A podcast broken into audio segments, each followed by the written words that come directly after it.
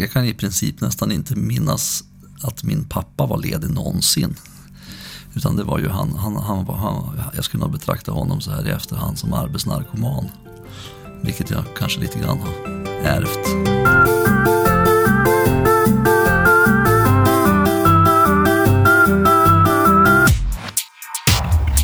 Bo Mattias Dahlgren, eh, 48 år och jag är kock och krögare. Jag bor ensam med en hund, eh, en fransk bulldog som heter Bacon, som är, eh, vad är han nu, 18 månader gammal. Har du alltid haft hund?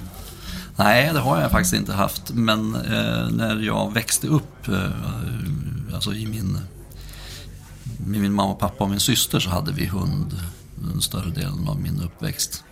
Och sen så hade ju då jag och min före detta fru Anna hade ju en hund som hette, som hette Tango, en labrador. Och där, när han gick bort, det var en av de faktiskt tror jag en av de sorgligaste dagarna i mitt liv när han gick bort. För han var en sån, ja, han betydde så mycket i, i ja, men både mitt och Annas liv. Eh, sen skilde vi oss några år senare och sådär och jag har, kände en väldigt stark längtan efter att skaffa en ny hund. Så nu har jag väntat några år men nu har jag träffat en, en eller träffat, jag har köpt en ny hund och det är en eh, det är väldigt trevligt med hundar. Jag upplever hundar och djur överhuvudtaget som att de har en de ger mig i varje fall väldigt mycket positiv energi och att de är alltid här och, de är alltid här och nu. De grubblar inte så mycket på vad som hände, i, hände för eller hände igår eller vad som ja, hur ska det bli till jul och sådana här saker. Utan det, det är med, de, är, de, de är i nuet och då, då smittar det av sig. Man blir, eller jag blir, eh, eh ja, jag, jag, jag mår bättre av att vara med djur. Bacon, är han, är han lydig liksom? Han... Nej, inte alls. Nej, han är ganska, ganska hopplös faktiskt. Mm. Nej, men han är ju en, en, en, en han är ju ingen, ingen lydnadstränad hund heller, det är ju mm. delvis mitt fel. Men sen är jag av en ras som är en glad och sprallig ras där. Så att han är en, en, en, en liten glad krabat som, som, som mest busar.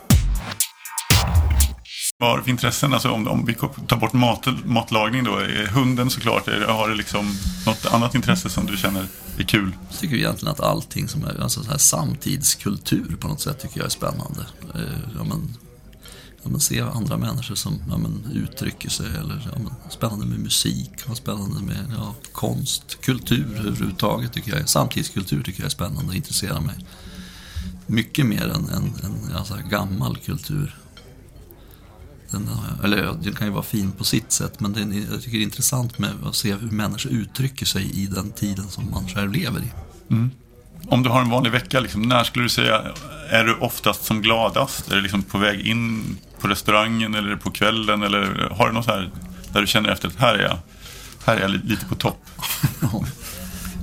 ja, men det kan nog vara, det kan nog vara lite när som egentligen. Det är väl olika jag har nog aldrig varit någon sån där utpräglad varken morgon eller kvällsmänniska. Jag tyckte om att stiga upp på morgonen alltid och sen har jag, ja, jag tycker det är kul hela dagen och det är oftast ja, inte så jävla tokigt att vara uppe sent på kvällen heller. Men jag skulle säga så att det, det, kan nog vara egentligen när som helst på dagen men just de där stunderna är ju liksom små korta momentum av när man kanske gör något kul tillsammans med ja, människor som man tycker om eller man man busar lite eller man... Eh, ja, det, det är liksom det vardagliga myset tycker jag har eh, tillfredsställer mig ganska starkt faktiskt. Det kan nog vara det.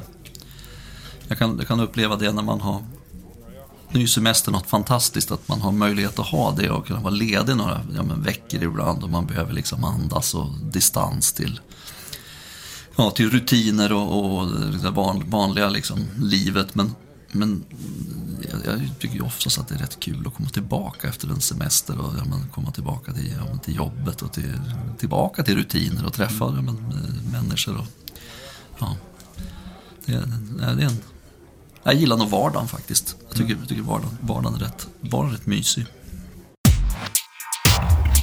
Du är den enda svensk som vunnit eh, kock-VM i Bocuse Mm. Det finns ett gäng tvåor som Melker och Myllymäki, men, men det är bara etta som, som räknas, det vet vi ju.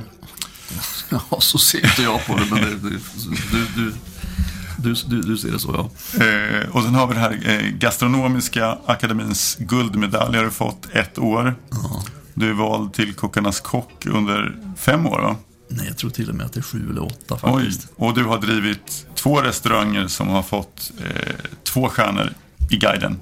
Ja, jag har, jag, jag, jag, bara drivit en restaurang som har fått två stjärnor, men sen har jag ju drivit restauranger som har fått en stjärna också. Jag hade ju först hade jag en restaurang som hette Bon Jock. Den hade ju en stjärna och sen så har jag ju fått en stjärna på matbaren och sen hade jag två stjärnor Två. i matsalen. Så att jag har haft, men, men jag har bara haft en restaurang som har haft två Just stjärnor. det. Ja.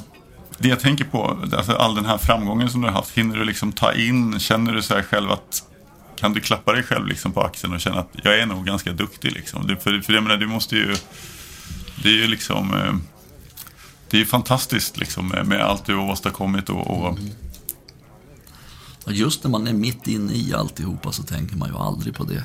Alltså, eh, ja, alltså, det är ju en väldig tillfredsställelse att uppnå saker och ting. Men sen när man har uppnått det, då går man ju ja, men liksom vidare på något sätt. Och, eller är mitt inne i det. Och då har man väldigt lite tid att reflektera och tänka på den typen av tankar. Som att, ja, men att, jag, att jag är ja, men, nöjd över vad jag åstadkommit. Eller åh vad duktig jag är. Eller, ja, så är det. Så, nej. Väldigt, väldigt lite tid till sån reflektion. Ja, sen kan man vara så här att man kan ju tänka tillbaka på saker och ting som hände kanske för 10 eller 15 eller 20 år sedan och sådär. Så nu är det 20 år sedan jag vann Bocuse d'Or till exempel. Och vilken fantastisk grej det var att få ställa upp i den där tävlingen och att, ja, att det gick så bra. Det är ju så här, det är jag ju stolt över. Alltså så här i efterhand att, att jag, att jag liksom har gjort. Men det, var, det, var ju, det är inte så att jag går omkring och tänker på det varje dag. Men jag blir ju ofta påmind om det och det är ju fint att andra människor tycker att det har varit betydelsefullt. finns det något, skulle kunna välja ut någon sak som, som du tror har varit din största tillgång? Ja, man kan väl säga så här att den allra största, eller två saker är väl, nyfiken har jag ju alltid varit och tyckt att det har varit spännande att lära mig nya grejer och utmana mig själv och sådär. Men sen har jag också, den har ju, det har ju varit både på gott och ont, men jag har ju varit jävligt envis. Alltså, och bestämt mig för att det ska gå även om jag kanske inte kan eller eh, kanske, ja men utifrån de förutsättningar man faktiskt har haft. Och då, det har ju, tror jag, att man bara bestämmer sig på något vis att ja, men det ska gå. Då, eh, även om man kanske inte når hela vägen så kan man åtminstone nå väldigt långt med, med det fanns ju en, en, en eh, ishockeytränare i Sverige som var en legendarisk man som hette vad hette han nu? Tom, Tommy Sjödin hette han väl, han som, han som var tränare i Tre Kronor också. Han sa att ambition slår alltid klass. Och det, det tror jag är jätteviktigt liksom i, ja, men i vad man än gör. Det är att man går in med väldigt mycket hjärta och eh, ja, anstränger sig hårt och jobbar hårt. Och då kan man nå väldigt, väldigt långt och ibland så kan man till och med överträffa sig själv. Du är uppväxt i Storliden. Man ska inte förväxla det med Storlien. Nej, det ligger här i Dalarna. Precis. Ja, men så här, Storliden det är ju två mil norr om Umeå, Ja, Västerbotten. Ja, Storliden är ju, Storliden är ju den, den lilla byn i Västerbotten som jag är uppväxt i. Då, och eh, där har jag ju... Ja, har jag, jag, jag det, det är ju den platsen som har så att säga, präglat mig väldigt mycket i min uppväxt. Och med, ja, men, med ja, men, de människorna som fanns där och den, ja, men, den, hur, det var där då i ja, men, början då på 70-talet i Sverige. Så, ja, men, det finns ju... Jag är ju uppväxt på en bondgård och, när jag var liten så fanns det, var ju innan det fanns dagis och sånt där, då var man ju med. Första åren så hängde jag väldigt mycket med mormor som bodde i huset bredvid på gården och då gjorde man sån här kunde man ta en, som jag uppfattade som en ganska spännande promenad då som var väl ungefär 250 meter in i skogen och det fanns två stycken stora stenar. Och den ena hette Lillhälla och, Lillhälla och Storhälla. Alltså den lilla hällen och den stora hällen. Och när man går upp i skogen där i vuxen ålder och tittar på de där stenarna så är det ju inget. Det är ju först och främst en väldigt kort promenad och sen, sen är ju varken den lilla eller stora stenen speciellt stora. Men, men det var ju det perspektivet man hade på livet, livet när man var liten. Och där, det beror på vad man, har, vad man har sett och upplevt Men hur många hus fanns det liksom i, i, i Ja, nu nu vet jag inte hur många det finns idag, men det fanns fan, någonstans en 9-10 hus ungefär. Så vi, en, en, en liten by med, sen fanns det ju många byar runt omkring och sådär med, med mer folk och så. Men själva Storliden är en, en, ja, en 9-10 hus. Din pappa var som sagt, han var ju hantverkare. Ja, Och mamma arbetade med utvecklingsstörda barn. mm. Och så drev ni det här då, eh, familjejordbruket vid, vid sidan av. Det låter lite som det var full fart hemma. ja det, i högsta grad ska jag säga det. Jag, jag, jag kan i princip nästan inte minnas att min pappa var ledig någonsin. Utan det var ju han, han, han, var, han, jag skulle nog betrakta honom så här i efterhand som arbetsnarkoman. Vilket jag kanske lite grann har ärvt. Eh, men när man blir liksom upptagen av arbete och eh, en massa projekt som man tycker känns spännande samtidigt. Eh, nej men det, är det är ju så, man lever man på en gård och det är ju, det är djur och allting som ska skötas där. Och sen så hade de ju, ja, var de ju alltid förvärvsarbetande samtidigt så det är klart att de, de dubbeljobbade i princip jämt. Du, du, du återkommer, när man lyssnar på intervjuer med dig så återkommer du till den här upplevelsen när du var fyra år och fick följa med mamma och mormor in i, i bagarstugan. Eh, håller du fast vid att det var där det startade? Liksom? Du får gärna berätta med egna ord. Mm, Ja, alltså jag har ju fått den frågan om jag, vad vad är mitt första matminne? Och det är ju det som är mitt första matminne. Det är väl därför jag upplever det då som starkt. Att jag, jag kommer ihåg att jag, eller så där, i- ja, men i Norrland och på, ute i byarna så finns det ju sådana där då bagarstugor som man, ja, som, som, ja, som man äger så att säga i, tillsammans i en samfällighet eller vad det kallas för. Och eh, då hyr man ju, eller lånar ju den där stugan då. När, och så bakar man ju då eh, tunnbröd på morgonen och sen då mjukkaka som man säger då. Med, som är då ett, när, när temperaturen faller i ugnen så bakar man det, det mjuka tunnbrödet senare. Och det, det var ju, när jag var med om den liksom, processen så tycker jag det var jättespännande att vara med och men var, var med när de bakade och eldade och sen då resultatet och förhålla den ett varmt bröd med, med smör som smälter mellan fingrarna. Det är ju, det, det är ju en stor, upplevelse fortfarande idag. Så att det har väl klart att det, det har väl präglat, präglat mig säkert i, mitt, i, i- min ja, men så att säga, gärning och vad jag håller på med. Därför att jag, jag har väl nästan inte upplevt någonting eller inte, det är klart jag har upplevt en himla massa andra saker som har varit stora. Men alltså i, i, när det kommer till eh, till matupplevelser så, så är liksom de här basala sakerna väldigt, väldigt eh, fängslande tycker jag. Alltså det, här, det, det, det enkla och det goda. Och det har väl i, i, i någon mening fått med mig hemifrån. Då. Mm. Eh, var din mor och far, var de bra på matlagning? Intresserade? Ja, du, jag, skulle, jag kan säga så här, min pappa han är, han, han är ju inte bra alls därför han är ju då, eller han varken har varit eller är speciellt bra på matlagning därför han är ju en, en, en man av sin tid. Han är, ja, nu är han 81 år gammal och, och, och den generationen av svenska män lagade ju aldrig någon mat. Däremot har han alltid uppskattat att äta god mat och dricka gott och, och sådär.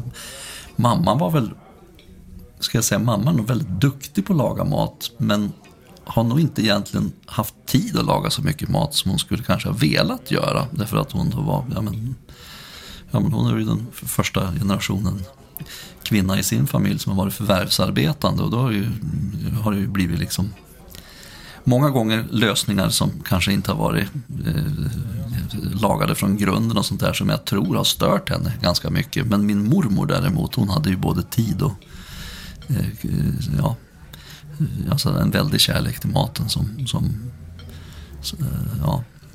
Men hon, hon var ju då så att säga, hon var ju ja, i, i princip hemmafru hela sitt liv och eh, lagade väldigt mycket god mat. Så att, eh, jag har fått med mig mycket, mycket av det jag har fått genom mormor också ska jag säga. Alltså in, intressen förutom mat på den tiden och liksom hur, hur musik och popidoler, hade du, hade du några affischer på rummet hemma? Alltså, jag kan säga så här att jag hade nog, musiken har nog kommit in lite senare i mitt liv när jag var barn. Alltså för att när jag var barn så, dels hade vi ganska, även om det fanns en, jag skulle säga en viss tradition att kanske spela instrument och så här, men så lyssnade vi ganska lite på musik i, mitt, eh, i, mitt, i min familj. Eh, och, eh, men det, eller inte och, däremot så hade jag nog, jag hade väldigt, var något mer starka, liksom de stora idolerna, det var ju mer idrottsmän och, och eh, ja men, eh, så här Ingemar Stenmark och mm. ja, men, Björn Borg och Ralf Edström och alltså, den, den tidens eh, ja, ikoner på något sätt. Det var, det var mer idrotts, idrottsvärlden som fängslade mig när jag var barn. Upp till jag kanske var då mer än ja, 12-13 år eller något sånt där. Men sen kommer musik in i, ja, i, lite senare. Men jag var, idrotten var jag alltid varit väldigt intresserad av idrott. Både, av, ja, men, både att se på idrott men också av utövaren själv. För tillfället så är det ishockeyn som är mest spännande. Elitserien, eller SHL som man säger idag. Då. Jag är ju nördigt intresserad av Skellefteå AIK då, som jag har följt ända sedan jag var liten kille. Så jag, de har ju gått ganska bra för de senaste åren så det är kul, att, kul att följa dem. Tystnad eh, tagning! Varsågod. Varje månad behövs tusentals statister. Statist.se har uppdrag till dig som vill vara statist, skådespelare, modell eller tv-publik. Hitta ett roligare jobb redan idag på statist.se. Tack så mycket, där satt den. Skolan var inte optimal har du sagt. Högstadiet var en stor paus. Det var väl en, en, en, grå, en, en grå klick av den stora grå massan som jag tycker uppfattas som att de allra flesta var när man gick i högstadiet. Alltså, jag vet inte, det var som en transportsträcka från barndomen in i vuxenlivet på något sätt. Jag, väldigt, jag, säga, jag minns väldigt lite från den perioden av mitt liv. Alltså från det jag vill säga så att man, så 13, 14, 15, den åldern. Alltså det, det, jag, vet, jag kommer knappt ihåg något. Nej, men alltså det, det, det, jag, har, jag har väldigt få starka minnen av den, den tiden. Det är ju mer så att man, man var trött på morgonen och mamma tjatade på att man skulle stiga upp och så åkte man till skolan. Och, ja, vissa ämnen tyckte man var kul om man hade någon kul lärare kanske. Så här. Det var kul med ja, kul med idrotten. kul med, ja, kul kanske på någon rast eller något sånt där. Men det var ju inte någon, väldigt mycket idrott på fritiden eh, under den perioden också. Så här, men det är väl det starkaste minnena jag har kanske. Hur, men hur gammal var du liksom när du började tänka kockyrket liksom och började tänka nu måste jag lära mig det här? Ja, men det, det var ju man tror man skulle välja redan när man gick i var så slutet av åttan skulle man ju göra något val till ja, men någon form av ja, men, utbildning, då, gymnasieutbildning. Och jag, jag, hade, jag var nog ganska, jag visste ju inte riktigt vad man skulle göra och sådär. Så så Men det jag tyckte var roligast, det verkade mest spännande, det var ju, och, och var ju då kock. Mm. Eh, och jag kommer ihåg att när jag berättade hemma så var det ju, det var ju ingen succé. det var ju ingen, jag tyckte ju inte att varför, varför, varför ville jag bli det? Så här, fanns det inte något annat jag kunde tänka mig att göra? Så här, ja, men, jag hade väl inte helt, inte för att jag hade några fantastiska betyg, men jag hade väl inte helt risiga betyg heller. Så jag kunde väl ha valt, valt eh, en annan väg om jag hade velat. Men jag, jag, jag ville bli kock och då, då, då, då, då blev det så. Jag kommer ihåg att mitt andra val var att bli elektriker och det vet jag inte varför det var överhuvudtaget. Jag kan inte ens tänka mig varför det, varför det var mitt andra val. Jag hoppas att jag skulle slippa kanske. Jag kommer ihåg i ditt sommarprogram då, på radion för, för många år sedan så sa du just det att din far hade ledsna ögon när du berättade. Ja. Var det liksom, hade han någon annan idé om att du skulle...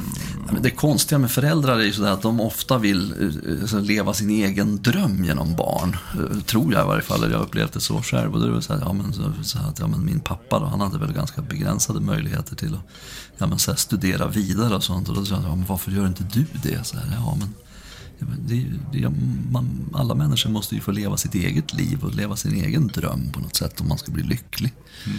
Det, det, tror jag många föräldrar har, har, har svårt att förstå. Jag läste som 15-åring hade Umeå-killen Mattias Dahlgren varit på restaurang max 10 gånger i sitt liv. Och då räknar han in fotbollslaget när de stannade vid vägkrogar också. Mm. Liksom när, när började du komma i kontakt med restaurangmat då?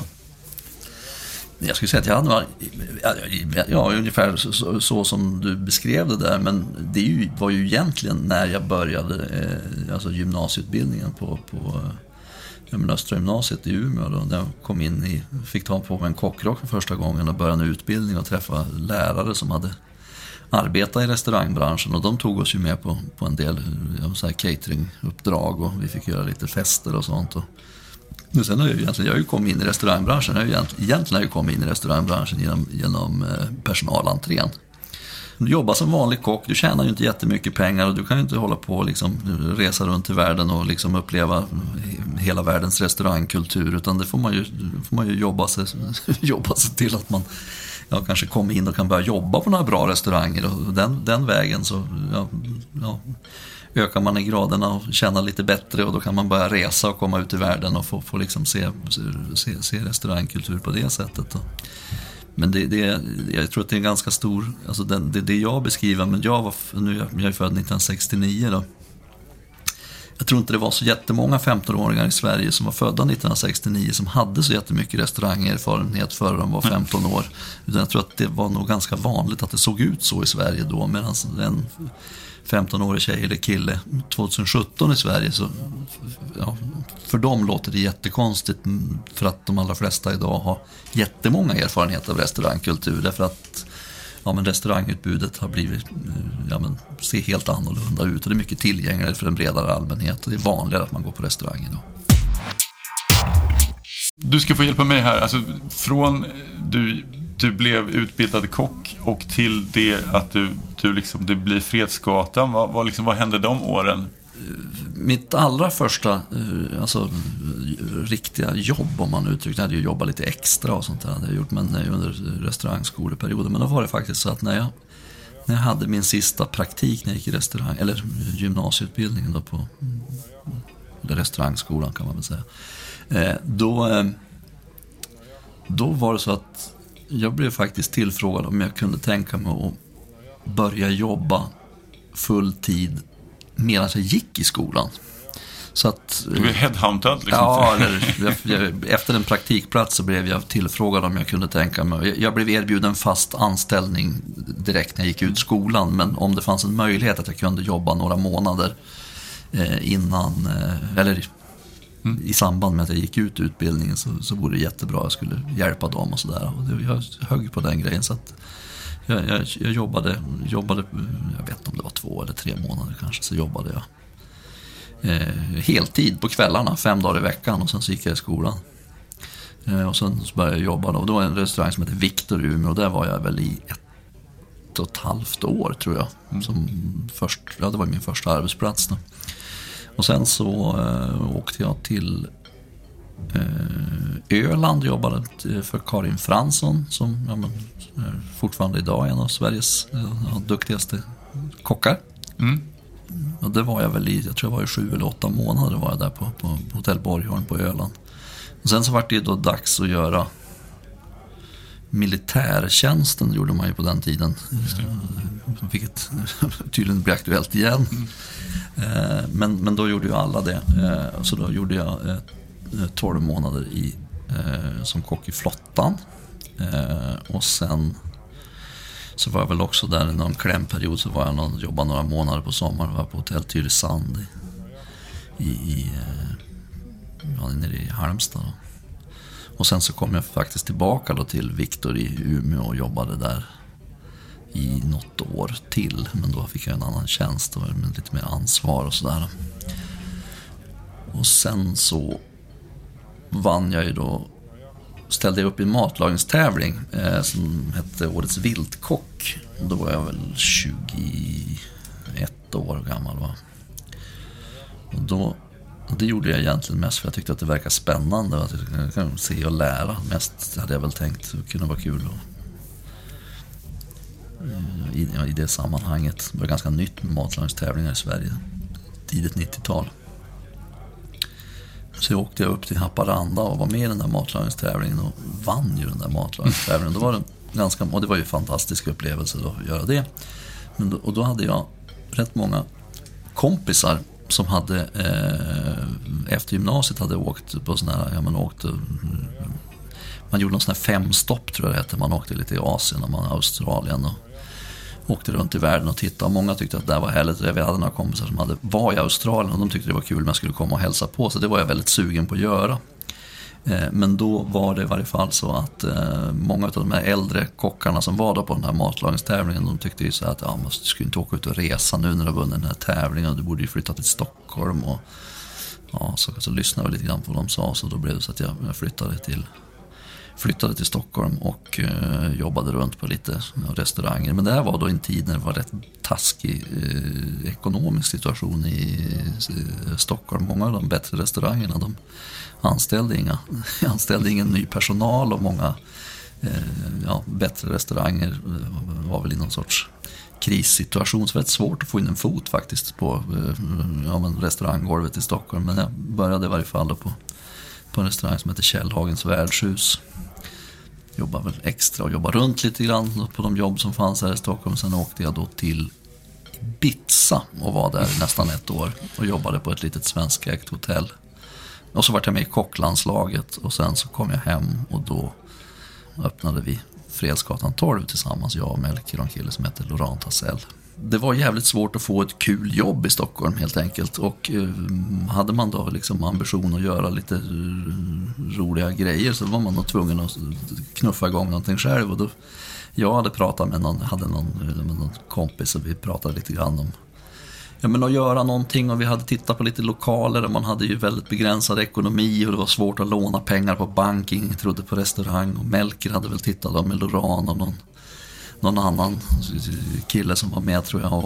Och så dök då den här dök då så att säga, den där restauranglokalen upp. Och det var, det var, genom, det var ju Melker och hans gäng som, som så att säga, hade, hade den. Men sen teamade vi ihop och så det blev då vi tre då som, som, som startade Fredsgatan 12 i den där lokalen. Och det var ju, det var ju, var ju kul att vi, att, att, vi, att vi gjorde det. Mm.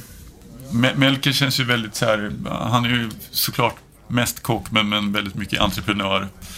Ja, han har ju och- blivit, blivit alltså, han, i grunden är han ju kock. Ja. ja, väldigt duktig kock. Men sen har han ju startat en massa, väldigt många restauranger och företag så att de flesta ser väl honom som entreprenör i kockrock idag. Fast han i grunden är ju en, ju en ja, ja, en av Sveriges bästa matlagare någonsin. Men hur, hur kände du, hur var ni tillsammans? Alltså, hade ni olika roller eller, hur, eller var det bara kul? Eller hur, hur, gör man? För ni är ju kreativa och duktiga ja, båda bara två. kul är det ju aldrig. Det är ju, inte- nej, men, nej, klart att det inte var det. Nej, men det var väl, var väl det var en utmaning för alla. Kul att vi kunde, kunde börja tillsammans. Mat på höjden har ju blivit så här poppis som säger att den kom från Fredsgatan. När folk såg det så var det väl väldigt så här annorlunda. Ja. Det, var- det, var ju, det, var, det, var en- det var ett annat grepp av att göra eh, liksom, mat som, inte då såg ut som kanske då den ja, traditionella maten såg ut. Och då, ja, så är det väl alltid om, om, om man gör någonting nytt, då blir det ju, blir ju starkt ifrågasatt av de konservativa krafterna. Sen blev det en ny krog med din dåvarande fru Anna. Där ni höll på i tio år, nästan tio år, eller tio Ja, år. ja. Jag och Anna köpte ju en gammal, en gammal restauranglokal, en liten kvarterskrog på Kungsholmen då. Och byggde om den till eh, Bon Jock. Eh, och parallellt med det här hände ju under 1996 då. Och parallellt med det så tränade jag för att jag skulle då ställa upp och tävla i Bocuse d'Or. Och jag eh, hade ju då, hade ju då tur, eh, eh, hade ju turen då att liksom vinna den där matlagningstävlingen. Så att när jag då kom hem till en relativt då nyöppnad restaurang så small det ju bara till och alla ville ju komma och äta. Och Bocuse d'Or-vinnarens mat och sådär. Nu gjorde vi ju inte alls den typen av mat på, på restaurangen men det, hade ju, det var ju en eh, det hade ju helt klart en väldigt positiv effekt på, på den restaurangens eh, fortsatta utveckling. Det var inte spanskt bara, utan det var... Det Nej, det var var långt ifrån spanskt bara. Det var egentligen inte något, hade egentligen ingen, eh, hade egentligen ingen, eh, jag säga, sj- det fanns inget självklart liksom eh, nationellt eh, etniskt ursprung. Men däremot så var jag själv tyckte jag ju väldigt mycket om, och gör väl det fortfarande egentligen, jag har alltid tyckt väldigt mycket om då ja, men mat som kommer från ja, men Spanien, Italien och Frankrike. Och så försökte jag göra någonting utav det tillsammans och skapa liksom någon egen grej utav det som jag då kallade för Stilo Nuevo Eurolatino, alltså det nya eurolatinska köket. Men där man, man lagar liksom, ja men, mat med, med, med utgångspunkt i de ländernas matlagning men försöka liksom tolka det i någon sorts egen i, i någon egen eh, ja, variant. Sådär. Och, eh, och det var ju också väldigt ifrågasatt av en del konservativa krafter till en början. Men, eh, eh, men när den du- breda allmänheten tyckte ju jättemycket om det. Men när du säger att du blir, blir ifrågasatt, är det då att du får, det står i tidningar och det, det kritiseras då på något, något sätt? I, Nej, fast det, jag vet inte, alltså, jag, jag har nog alltid tyckt det har varit roligt att göra nya grejer. Och gör man nya grejer då utsätter man sig ju alltid för att det är någon som eh, ja, men, tycker att det är konstigt till en början eller sådär. Men och du säger mat på höjden, det är ju, ja, nu pratar man om att det var mat på höjden. Men ja, det var ju inte bara det. Utan det, var ju, fanns ju någonting annat också. Så länge det är, så finns människor som tycker om det och, och så här, då, då, då finns det något positivt i det har du några specifika minnen? Ja, alltså, jag- det finns ju hur mycket som helst att ösa ur, men det kanske om man ska liksom sätta någon punkt för den grejen snarare kan man säga så att det som vi, vi hade, när vi då hade drivit det nästan tio år, eller blir det då nio och ett halvt eller något sånt där.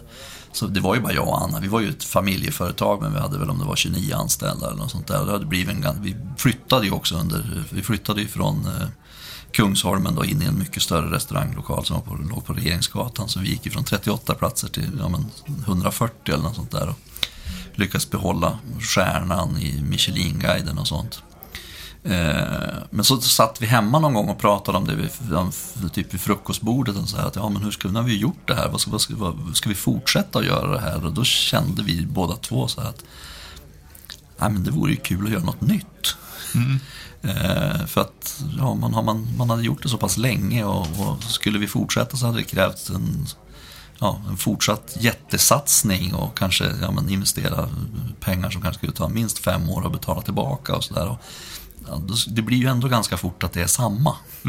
Eh, och då var det så här, men låt oss istället sluta med flaggan i topp och så eh, kallar vi personalen till möte och så sa vi att vi har bestämt oss för att vi ska stänga den här restaurangen. Och det tyckte ju alla var jättekonstigt. Men då hade vi i alla fall tyckt, sa vi att vi, vi ska satsa ända till den sista, den sista dagen ska vara den bästa dagen vi någonsin haft öppet. Och då var det väl något halvår innan vi skulle stänga eller något sånt där. De sa att det var himla kul om alla, alla skulle vilja jobba till den sista dagen. Så vi liksom avslutade det här tillsammans, vi som jobbar här. Och det, det häftiga var att det gjorde faktiskt alla som jobbade där. Till och med diskarna. Det fanns ingen som... I, under den perioden var det ingen som slutade. Det är ganska ovanligt om man är på vilken restaurang som helst med så pass många. Men alla ville, ville liksom vara med på den resan och stänga den, stänga den restaurangen. Och det var en väldigt fin, en fin grej tycker jag. Sen, sen blev det 23 resor har jag läst här under ett år efter. Ja. Vad kom du fram till? Ja, det, det ena var att, det ena jag kom fram till var att jag hade rest alldeles för lite. Eh, Tidigare? Ja, ja, men jag hade aldrig kunnat göra det så mycket heller. Nej, men det var väl att det, jag, jag kom fram till att det var väl, eller i huvudsak så kom jag fram till en sak. Det var att om man åker och besöker en annan plats så tycker jag det är väldigt spännande att få uppleva eh, den platsen på något sätt. Alltså den, den kulturen och den maten och de människorna som lever på platsen är ju det man vill uppleva om man åker till en plats. Så åker man till Kina, då vill man ju uppleva Kina. Åker man till eh, ja, Köpenhamn vill man uppleva Köpenhamn. Åker man till eh, ja, då, Barcelona, då vill man uppleva Barcelona. Och det där upplevde jag lite grann att under de då tio åren som jag själv hade drivit restaurang, då hade jag ju gjort egentligen precis tvärt emot. Eh, och eh, att det, jag kände själv så att det var intressant att det, det fanns då, ska jag säga, för det, nu finns det ju många, men eh, där i mitten av 2000-talet, så, eller mitten av 2000, 2005 ska jag säga, eh, så fanns det ganska lite restauranger i Sverige som faktiskt fokuserade på att erbjuda en, en, en restaurangupplevelse som hade en svensk, liksom en svensk identitet på något sätt. Eh, I varje fall i den högre ja, men, kategorin, eller bättre kategorin av restaurang. Så det blev liksom min, min nya idé blev att ja, det är nog det jag ska försöka göra. Att försöka göra en, en, en restaurang med, med en modern svensk identitet. Eh, och så det, det var ju det som då var grundidén till när det då sen startade ja, men matsalen och matbaren på, på Grand Hotel. 2007. Ja, Och stjärnorna började trilla in ganska snabbt där också. jo det gick ju väldigt fort. Varför blev det Grand? Anledningen till att det blev Grand Hotel var väl egentligen det att jag jag hade under det där året som jag var ute och reste så vart jag ju kontaktad av en del. Jag fick, jag hade några erbjudanden, ett par erbjudanden om att göra saker och ting utomlands. Och sen så hade jag ett par erbjudanden om att göra saker i Sverige. Men Grand Hotel var nog, kändes som att det var den Dels erbjöd de den eh, ja, alltså attraktivaste läget och den attraktivaste erbjudandet för att genomföra just den idén som jag hade. Mm. Eh, för det känns konstigt att skapa en restaurang med en ny svensk identitet utomlands. Ingen hade förstått någonting eh, då eh, förmodligen. Och eh, nej men det, var, det kändes liksom att det var ja, så här perfect match att göra det, det jag ville göra, var där, där och då. Och, och, och var matsalen och matbaren, var det på tapeten direkt från början? Var Nej, det var inte det egentligen. Eller så, jag är inte alldeles från början, men ganska snabbt vart det ju så. Därför att, alltså, Grand var ju Grand ville ju ha en, en, en, exklusiv restaurang och vi tittade ju på den där. Eh, ja, men från början så var det ju, mm, ja, men på ritningen liksom, så såg det ut som att det var en restaurang som hade 100 platser. Men när man började titta lite närmare på det så var det ju då en, en en, en, en, lokal som inte, den är ju då ja, K-märkt i någon skala som jag inte kan exakt vad det heter. Men man kan ju liksom inte flytta runt hur man vill med dörrar och väggar och sådär. Utan och då var det så att ja, men det kanske vore bra att göra så här istället. Och jag hade själv också en, jag hade ju ändå då, redan då hade jag ju liksom jobbat ganska länge med då, ja, någon sorts fine dining verksamhet och kände själv en stark längtan också att få göra både för att göra en fine dining-del och göra en, en, göra en modern bistro. Mm. Alltså en, en, en, snabbare och enklare restaurang som, som fler skulle kunna ja, men, uppleva. Så, det, så det, de kompletterar ju varandra. Och du ville gasa båda samtidigt? Liksom. Det var ja, vi, nej, det, vi öppnade samtidigt båda två. Men var inte det, eh, det var lite modigt, alltså var det inte lite tufft liksom? Alltså, många skulle ja. kanske nöja sig med en ta en i taget. Ja, men det, var ju det att, jo, men det fanns ju egentligen ingen, det var ju inget alternativ därför att vi stod där med den lokalen och den skulle ju man göra någonting utav så att säga. Men de hade eh, kompletterade varandra på ett intressant sätt också med alltså både, ja, båda vägarna så att säga. Att matbaren matbaren, många tyckte att det var spännande att gå till matbaren för att det var alltså, den, den enklare versionen av någonting som då ansågs väldigt tjusigt och tvärtom så att säga. Och det finns väl en fördel i just att man kanske, som du säger, går till matbaren men man får titta in lite på matsalen och se hur Ja, då gick inte det tyvärr i början. För då, okay. då var det en dörr som man kunde inte göra det, men idag kan man ju göra det på ett annat sätt. Men, men den här, det är en annan sak som är lite intressant är faktiskt det är hur otroligt ifrågasatt matbaren var i början. För att den var ju väldigt, väldigt... Eh, det fanns ingen restaurang i, i, i, Sverige som såg ut som matbaren gjorde då. Alltså för ja, tio, tio och ett halvt år sedan. Mm. Det var så här konstigt, man skulle sitta på bänkar och det var så här bord utan duk. Och, pinnstolar och fårskinn och sådär jävligt konstiga grejer som i, idag är inte något konstigt alls utan det är så som det ser ut på väldigt många restauranger och hemma hos folk. Mm. Eh, och då, så det, men men det, det tog det nästan ett halvår innan, innan eh, ja, men, den värsta så att säga skeptiska vågen la sig så att säga. Över att det var folk som hade bokat bord och de kom och bara, nej men här kan vi ju inte sitta. Vi, kan, vi, vi, ska ju, vi vill ju sitta på en stoppad stol liksom.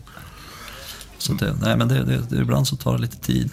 Men kände du liksom, eh, tyckte du att det var lite, lite roligt liksom när, när, du liksom också, när du fick se reaktionerna och folk blev lite förvånade? Var det liksom part of the plan? Eller hur, hur kände du?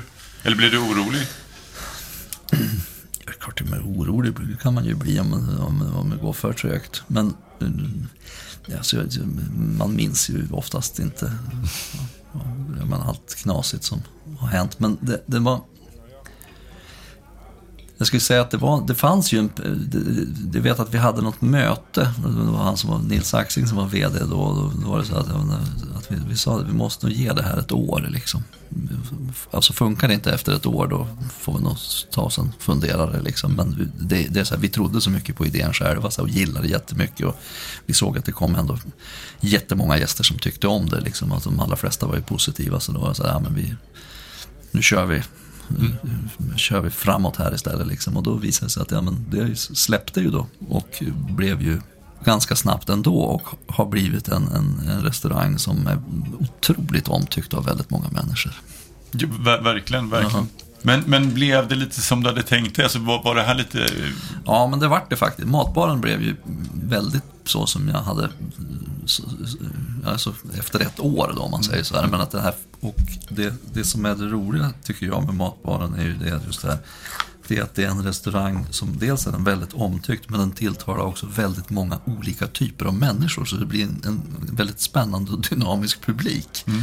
Ja, det, är, det är inte liksom en kategori av människor som går dit och äter och så är det liksom deras ställe. Utan det, matbaren är liksom allas ställe på något sätt. Och det gillar jag när det kan sitta vid ett bord sitter en barnfamilj, vid ett bord sitter ett eh, ja, men, riktigt gammalt par och äter och sen så kommer det in någon, eh, ja, kommer in någon som man knappt vet var den kommer ifrån och sätter sig ensam och äter i baren. Och det blir lite grann som en, ja, men, lite grann som en tågstation på något sätt. Mm. Så att, en, att, att all, alla, en, en, plats för alla. Någon, någon, någon kanske sitter där och liksom dricker något och väntar på någon som ska komma, komma med tåget och någon annan är på väg med några väskor och resa bort. Och det är liksom en ja, otroligt liksom, spännande energi i det. Att ha foten i fine dining, har det varit liksom en självklarhet? Nej, långt ifrån faktiskt. Därför att egentligen så är jag ju ingen, jag är ju, alltså, från början så är jag ju ingen, eh, är ju inte, kommer ju inte från en sån miljö om man uttrycker sig så. Eller min bakgrund är ju inte eh, ja, elegant och, och, och ja, tjusig på något sätt. Utan jag, jag, jag är ju en, ja, men, en bondpojk från landet i Västerbotten som, som har, liksom, i, har upplevt ganska lite sånt. Medan fine dining då i, i sin ja, men, traditionella mening i varje fall har ju haft ganska mycket sånt i sig. Men däremot så var det nog inte så konstigt heller därför att i den tiden när jag själv då utbildade mig till kock så såg ju de bästa restaurangerna såg ju ut så. Mm. Och då blev det ju naturligt att det var ju det man strävade mot, att man ville, ville bli, man ville bli riktigt bra. Mm. Eh, sen så ja, går man ut och äter på de ja, men, bästa restaurangerna idag i, liksom, ja, men, i Stockholm eller i, ja, i, i, Skandinavien kan man väl säga. Så, här, så, så är det att ja, men de bästa restaurangerna präglas ju ganska lite av det där gammeldagsa, liksom, tjusiga utanpå skapet. Utan det handlar ju mer om ja, att det finns många olika typer av lösningar. Det kan se ut på olika sätt. och det, det har blivit kanske mer, nu är jag inte så förtjust i ordet gastronomi, därför jag tycker ordet mat är mycket trevligare. Men, men, men det har ändå blivit mer, mer gastronomi och mindre ceremoni kring mm. liksom, måltiden. Och det har ju, är väl något som jag trivs själv bättre i. Ja, det, det poppar ju upp väldigt mycket i Stockholm, till exempel Punk Royal. Eller, alltså det, det är många mm. som, som, som gör roliga saker liksom, med mm. fin mat. Kanske mm. var, titta på bra råvaror men, men, men gör det i en ny version. Liksom. Mm. Ja, att det, att det finns väldigt många olika att det finns många olika typer av restauranger och inte en typ av restaurang. Det är ju spännande för det finns ju väldigt många olika ja, men, längtan och behov att fylla vi har haft väldigt många, eh, men, eh, både spännande och kända gäster över åren. Sådär. Men en enda gång så har jag så här själv blivit, fått så här tunghäfta. Det är, det är jättekonstigt. Kylie Minogue åt i matbaren. Och då ville hon beställa två fårskinn och det tyckte jag var så konstigt. För att dels så kom hon ju från Australien och sen så bodde hon i London och så tyckte jag att jag skulle prata med henne om att hon ville beställa två fårskinn och få dem skickade. Fick hon sina fårskinn då? Ja, ja. Mm. självklart. Har du någon, eh, alltså om, om vi fortfarande är där matsalen, matbaren, har du någon, någon speciell rätt som du bara tycker är kul att berätta om, som, som är, på något sätt har fastnat? I matsalen gjorde jag en tartar på, en tartar på biff och ostron. Nej, vad häftigt. Ja, och det där, den är fortfarande en sån där som att jag kan få så cravings för att jag tycker Var den splittad eller var den mixad? Eller? Nej, den var hackad. Alltså hackad, det var en hackad eh, handskuren tartar på biff med, eh, eh, som man blandade med, med pocherade ostron. Och sen så gjorde man en emulsion på talgen från biffen som är rålök och vattenkrasse. Och det där tyckte jag var så jädra gott själv. Den, den var ju någon sorts liksom, signaturrätt i, i matsalen. Och den, den kan jag fortfarande uppskatta och tycka är väldigt god. Idén till Ruta Baga. På samma sätt som efter tio år hade drivit Bon Jock så kände jag ju så här att när jag hade gjort Matsalen tio år var jag att jag kände ju en stark längtan efter att göra någonting nytt. Och det, den längtan delar jag ju tillsammans med de närmaste människorna i mitt team. Då började vi ju prata om vad, vad skulle vara en, en, väldigt stor utmaning för oss om vi skulle fortsätta göra något tillsammans. Och då, ja, den största utmaningen det måste ju vara att göra en vegetarisk restaurang.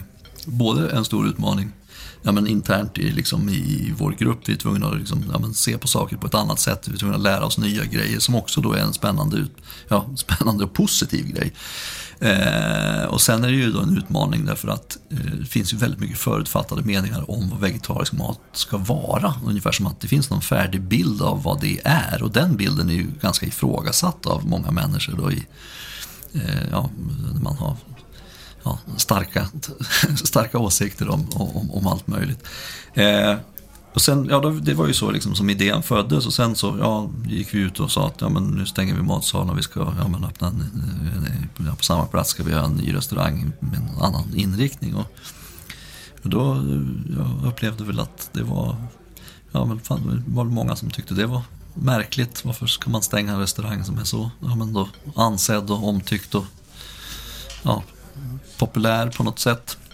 Eh, men det tycker jag är ganska konstigt att man, att, att man, man ifrågasätter den grejen. Därför att då tror jag inte man riktigt själv förstår hur, dels tror jag inte man förstår hur, hur oerhört ja, men, krävande det är att driva en, en, en sån restaurang och man gör det över lång tid och att man faktiskt också själv behöver alla människor får ju ja, faktiskt göra vad man vill.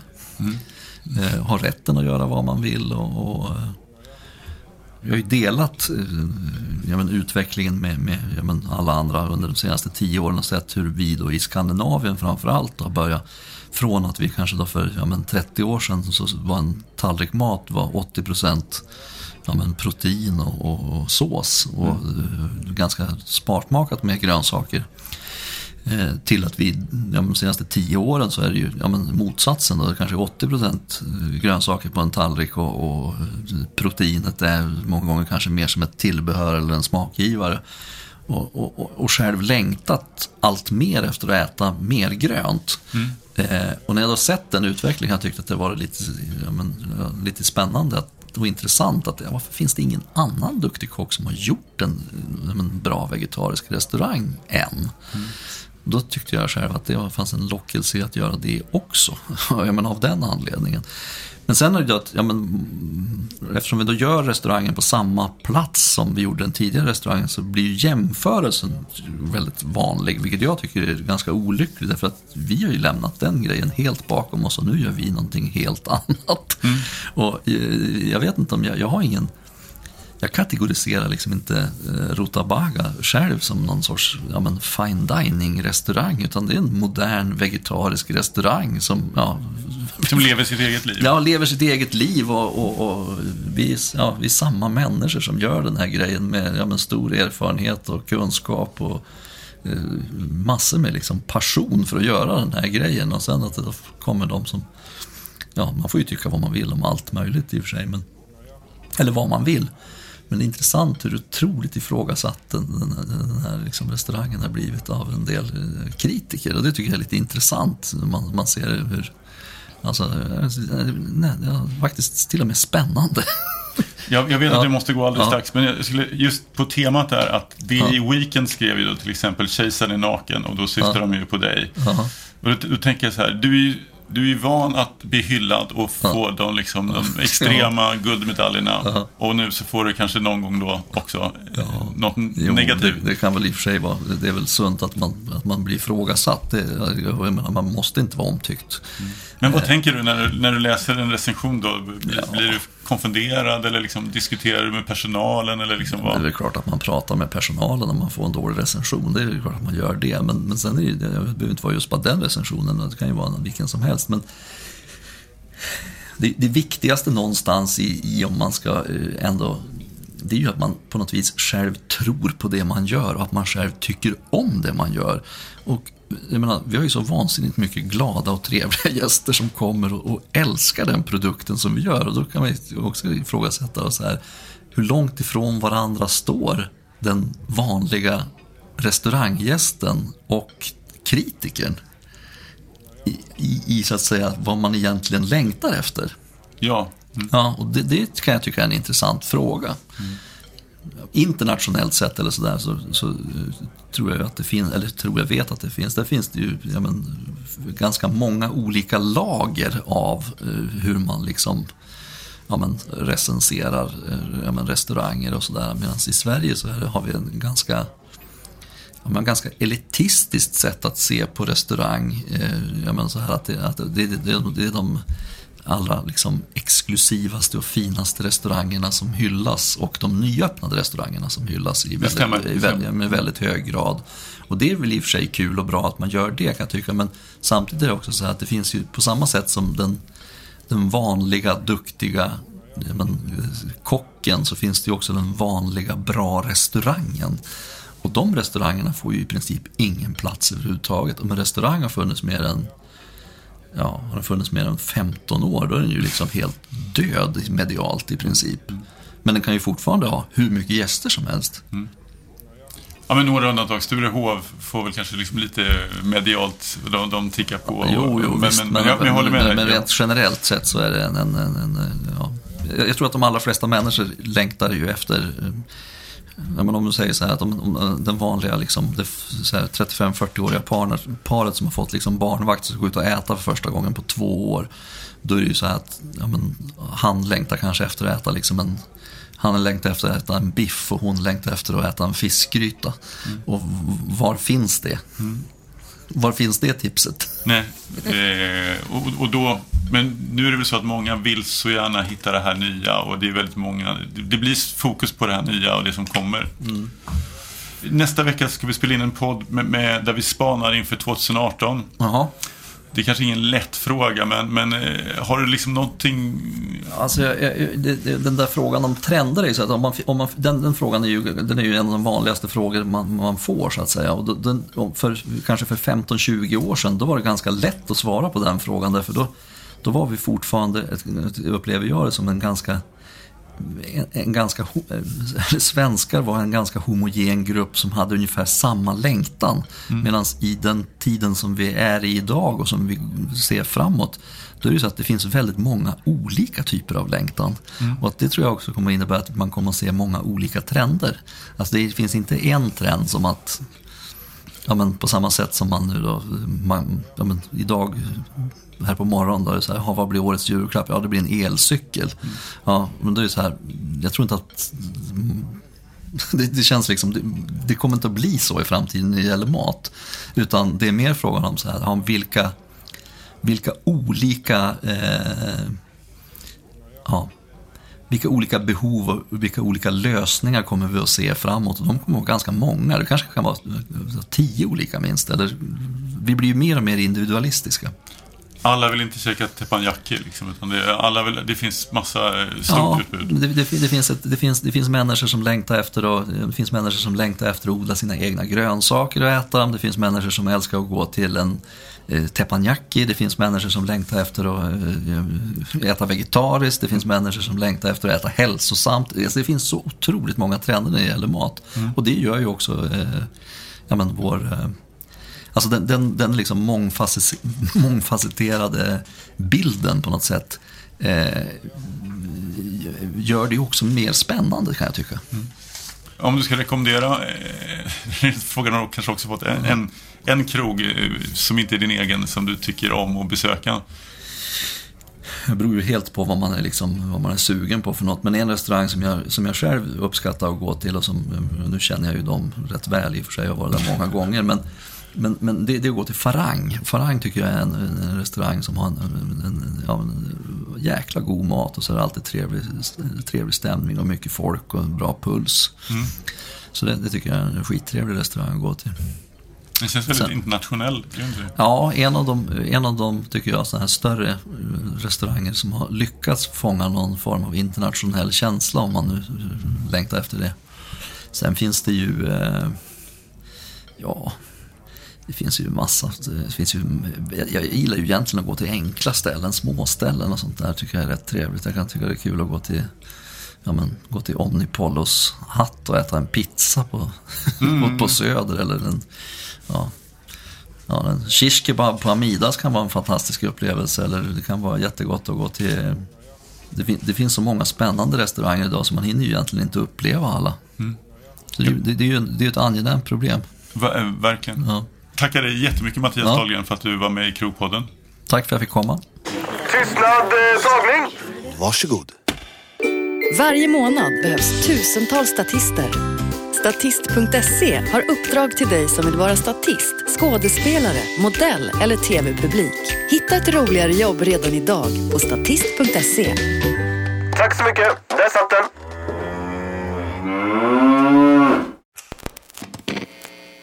Podcasten produceras i samarbete med Poddbyrån.